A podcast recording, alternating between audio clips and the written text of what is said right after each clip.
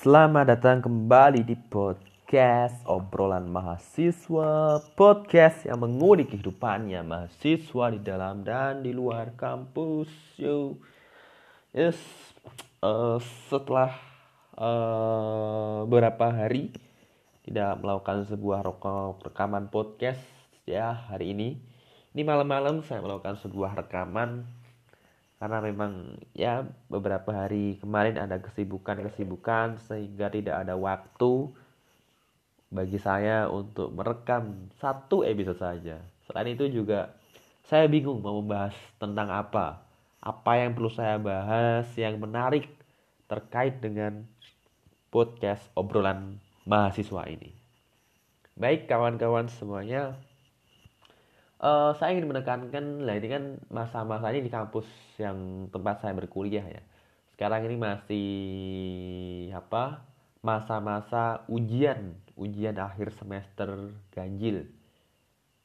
Ya uh, untuk ujiannya sendiri kawan-kawan di kampus saya itu menerapkan sistem online. Jadi tidak secara tatap muka dengan dosen tapi dilakukan by by apa? By internet by daring pelaksanaan ujiannya yang menarik adalah begini kawan-kawan. Saya sempat bertanya kepada sejumlah mahasiswa yang terlibat langsung dalam ujian kali ini ya. Ini bukan dari saya tapi saya mencoba melakukan sebuah survei ke beberapa mahasiswa terkait respon dan tanggapannya terkait pelaksanaan UAS kali ini.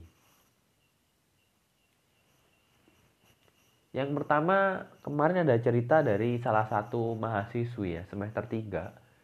Dia itu jurusan akuntansi. Pada saat saya tanya bagaimana sih tanggapanmu ketika kuliah dilakukan kuliah apa ujian dilaksanakan secara online gitu kan saya tanya dia menjelaskan bahwa kalau saya pribadi mengasihkan mas gitu. Kalau saya pribadi mengasihkan mas. Soalnya deadline yang diberikan oleh dosen itu lebih panjang daripada ujiannya dilakukan secara tatap muka. Nah, dia mengatakan seperti itu.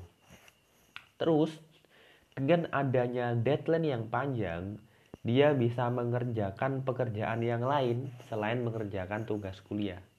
Jadi semisal dia pagi ada di pasar dia masih punya waktu nanti di siang hari atau di sore untuk mengerjakan tugas kuliahnya.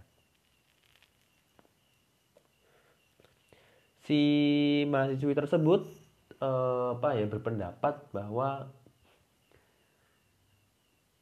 prioritas jadi prioritas pendapat ya pendapat kira-kira ujian ini mengasihkan atau tidak itu sebenarnya tergantung pada pribadi masing-masing ya dia mengatakan seperti itu dia beralasan setiap orang punya karakter yang berbeda-beda dan juga e, intensitas tugas yang berat dapat dikatakan tugas yang ringan bagi mungkin bagi segelintir mahasiswa. Begitupun sebaliknya, tugas yang ringan dapat dikatakan sebagai tugas yang berat oleh mahasiswa yang lain. Nah, dia menekankan hal seperti itu. Si mahasiswi yang berasal dari program studi akuntansi tersebut. Dan juga yang menjadi apa yang menjadi penjelasan yang lain adalah uh, dia bersyukur karena materi yang diberikan tugas-tugas yang diberikan oleh para dosen itu semuanya materinya ada di internet. Jadi dia tidak kesulitan dalam mengerjakan tugas-tugas yang diberikan oleh dosen. Terutama kita bicara hari ini adalah pada saat ujian akhir semester. Nah, terus di apa? Saya juga bertanya kepada mahasiswa yang lain. Dia berasakan juga sama, mengasihkan. Mengasihkan. Dia mengatakan bahwa ujian UAS, UAS secara daring itu mengasihkan, tapi yang menjadi alasan pokok kenapa mengasihkan karena tidak ada yang mengawasi. Itu adalah alasan yang memang masuk akal. Jadi pada saat ujian daring siapa yang mau melakukan pengawasan? Apalagi kalau pemberlakuan pemberian tugasnya hanya by tulisan setelah itu dikirim kan ke dosen. Mungkin detailnya baru keesokan harinya. Ini memudahkan mahasiswa. Jadi ada yang mengawasi katanya. Jadi saumpama nanti nyontek jawaban temennya atau googling di internet masih ada waktu yang panjang selain itu tidak ada yang beri pengawasan. Jadi bisa lebih leluasa pada saat mengerjakan tugas ujian. Dan untuk yang sampel kedua ini saya memper, e, bertanya pada mahasiswa yang kuliah di Fakultas Hukum di Fakultas Hukum. Seperti pada apa mahasiswi tadi dia juga berpendapat tidak semua dosen itu sama tiap dosen punya pribadi punya karakter masing-masing punya keinginan masing-masing untuk memperlakukan tugasnya nanti dibuat seperti apa. Ada yang memberikannya berat ada yang ringan macam-macam ada yang sedang juga. Tetapi baginya uh, ini mengasihkan gitu jadi kedua-duanya memang mengasihkan. Dan saya juga bertanya kepada yang lain juga juga serupa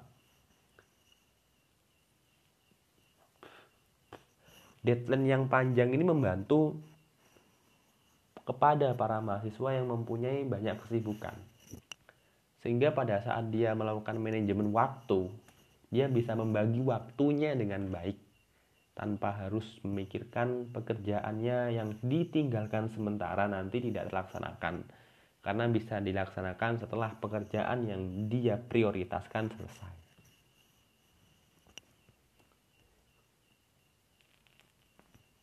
Terus yang menjadi kendala adalah pada saat nanti pelaksanaan ujiannya mungkin by voice atau by virtual ya secara apa, menggunakan aplikasi berbasis video itu mungkin nanti juga bisa menjadi kendala. Pasalnya dengan begitu pasti nanti ada yang mem, apa, mengeluhkan jaringan internet yang kurang baik. Makanya dengan baik tulisan ya, baik tulis ini, baik tulisan ini adalah paling digemari mahasiswa. Selain lebih mudah, lebih nyantai dan bisa menjadi ajang contek mencontek itu kalau saya berbicara pendapat dari orang lain. Kalau saya pribadi ya ini berbicara subjektivitas dari saya. Kalau saya pribadi sih lebih menyuka kalau kita berbicara hasil ya. Kita berbicara hasil bukan nilai, jadi bukan nilai angka menurut saya. Itu saya pikir kalau memang tidak bisa secara tatap muka menggunakan aplikasi berbasis video itu merupakan salah satu solusi terbaik daripada kita hanya by tulisan kita kirimkan dosen tidak mengetahui mahasiswa ini benar-benar mampu atau tidak sebab hasil tugas yang dikumpulkan itu adalah apa ya e, itu adalah hasil dari